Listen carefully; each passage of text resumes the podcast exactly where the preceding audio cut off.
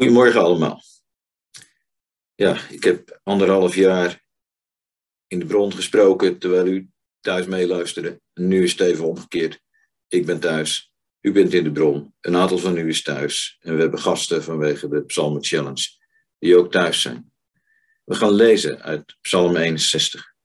Ik lees het uit de vertaling van het Nederlands Bijbelgenootschap uit 1951, omdat daar de omslag die er in de psalm zit net even iets steviger is aangezet dan in de MBV. Dus het is wat moeilijkere taal misschien, maar we hebben de tijd om er goed over na te denken. Voor de koorleider, bij snarenspel, van David.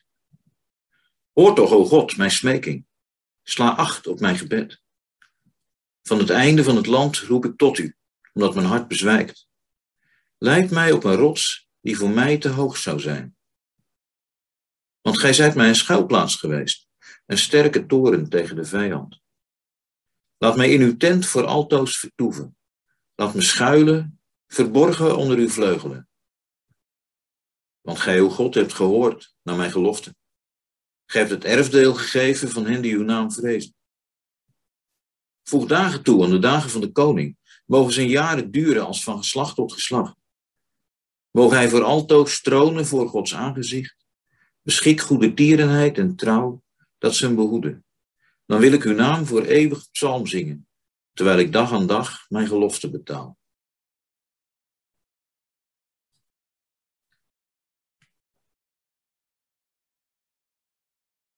Ik ken het effect dat sommige ruimtevaarders hebben gehad toen ze in de satelliet, in het International Space Station, hoog boven de aarde zweefden. We noemen dat het overview-effect. En vrijwel allemaal horen we verhalen terug van ze, die mensen die daar even op grote afstand aan het einde van de aarde zijn geweest, dat ze onder de indruk waren van de kwetsbaarheid van dat kleine blauw-groene bolletje, van onze kleinheid, dat ze iets van ontzag hebben gevoeld. Velen hebben het een, een spirituele ervaring genoemd, wat het dan ook precies mogen zijn. En wat eruit terugkomt is, is passie. Passie voor die planeet, zorg daarvoor, maar gek genoeg geen angst. Het overview-effect, iets dat met je gebeurt als je verder gaat dan wat we dan een helikopterview noemen. Overview-effect. Gek genoeg gebeurt er volgens mij in deze psalm iets vergelijkbaars. Een soort bijbels overview effect. Want er zit een contrast in deze psalm. Als je er goed naar kijkt. Het begint als een smeekbede. En dan wordt het ineens een gebed voor de koning. Het lijken haast twee psalmen. Dus dan is het goed om even beter te kijken. Wat, wat gebeurt hier nou? In het begin van die psalm staan allerlei woorden die bekend voor ons zijn. Als we de Psalmen Challenge een beetje gevolgd hebben. Hoor mij toch, merk me toch op. Het verlangen om door God gezien en gehoord te worden. U was toch altijd mijn schuilplaats, mijn veilige toren. Laat me in uw tempel wonen, laat me schuilen onder uw vleugels. We kennen het uit liederen, we kennen het uit andere psalmen. Maar er zit ook een ander element in. Er is hier geen sprake van concrete vijanden die belasteren, die de overmacht willen krijgen. Er staat alleen maar, ik ben aan het einde van de aarde. Het klinkt iets door van verlatenheid, van eenzaamheid, afstand. En dan is het die ene zin. Die ene zin die me fascineert. Lijkt mij op een rots die te hoog voor me is. Kijk, het woord rots komt in de psalmen heel vaak voor. God als rots. En in latere psalmen, de, de psalmen van de opgang, ik zie de hoge bergen aan. Bergen waar je als een berg tegenop ziet. Maar daar gaat het hier niet over. De rots is hier niet een beeld voor God, want dan, dan wordt de metafoor heel raar. Til mij op uzelf. Dat kan niet. Het is ook niet iets waar de psalmist tegenop ziet. Hij wil er opgetild worden. Breng mij naar een hoge plek. hoge plek waar ik veilig ben, hoge plek waar ik uitzicht heb. Jeruzalem, waar ik ver vandaan ben. Een hoge plek waar ik overzicht heb, misschien wel. En kennelijk gebeurt er op die plek iets. Vallen op die plek zaken in elkaar. Ziet de psalmist onze eigen kleinheid, onze beperktheid? Ziet hij Gods grootheid? Ziet hij Gods overzicht? Ziet hij Gods koninkrijk? En dan is het ineens niet meer vreemd dat die tweede helft gaat over Gods uitverkoren koning. Voor de psalmist gaat het misschien over een aardse koning, waarvan geslacht tot geslacht een dichtelijke term is. Maak zijn jaren vol, maak ze niet te klein. Voor ons is het die eeuwige koning, Jezus Messias, lam op de troon, voor altijd bij de Vader. Door dat gebed, Heer, til me op, breng me op een plek die voor mij te hoog is, maar waar u me kunt brengen. Nou, dan wordt die psalmist, worden wij opgetild. Krijgen we overzicht, een bijbels overview effect. En dan zien we ineens dat het daarom gaat.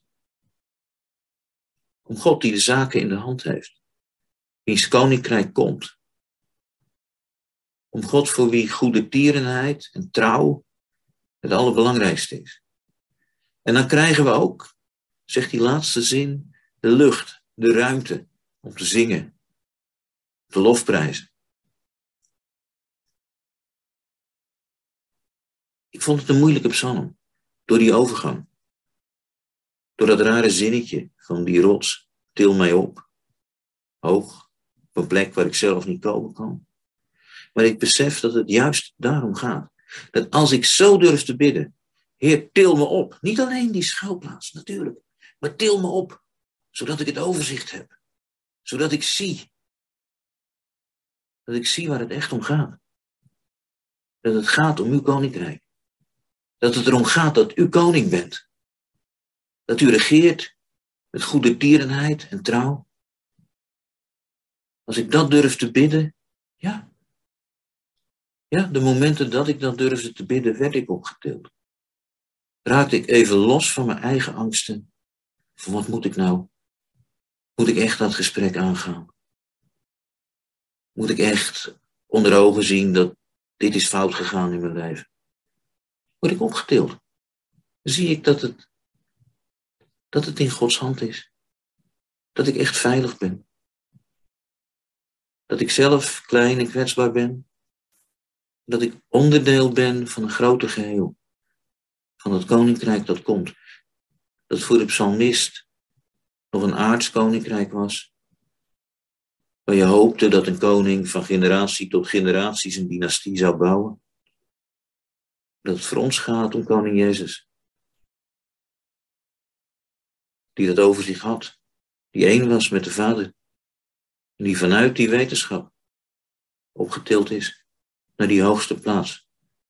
De troon bij God de Vader. Ik denk dat we het veel vaker moeten bidden. Til me op, Heer. Til ons op. Hoog boven al onze vragen, onze twijfels, onze angsten. Til ons op. Zodat we het gaan zien. Zodat we het ook in een tijd van ziekte, ook in een tijd van oorlogsdreiging, gaan zien. Dat het er uiteindelijk om gaat. Dat God koning is. Dat Jezus, levende Heer, regeert. Van geslacht tot geslacht. Dat hij regeert met gerechtigheid en trouw. Met goede tierenheid en trouw. Met liefde. En dat daarom onze vragen niet minder belangrijk zijn, maar we er overheen kunnen kijken. Mensen eh, riepen vroeger wel eens tegen me als ik ergens boos over was: van, ah, dan moet je boven staan. Ik heb dat zo'n vreselijk uitdrukking gevonden. Omdat ze eigenlijk bedoelden: dan moet je niet zo serieus nemen. Moet je niet zo druk over maken. Als God ons ergens boven tilt, dan is dat niet omdat waar wij mee zitten minder belangrijk is. Het blijkt nergens uit deze psalm. Maar omdat hij ons laat zien dat er andere dingen zijn die belangrijker zijn. Zijn goede tierenheid en trouw. zijn belofte, zijn koninkrijk. En daarom moeten we het juist nu bidden. Nu bidden in een tijd waarin er zoveel op ons afkomt wat ons in verwarring kan brengen. Zoveel leugens, zoveel boosheid, zoveel machtswellust. Heer, til ons op. Til ons op boven al onze vragen en al onze twijfels. Zet ons op een plek waar we zelf niet kunnen komen. Met onze eigen beperkte breintjes, met ons eigen beperkte hart, met ons eigen beperkte lijf. Maar breng ons daar. En geef ons dat Bijbelse overview effect. Zodat we van daaruit terug kunnen kijken, kunnen zingen, kunnen handelen, kunnen leven vanuit zijn liefde. Amen.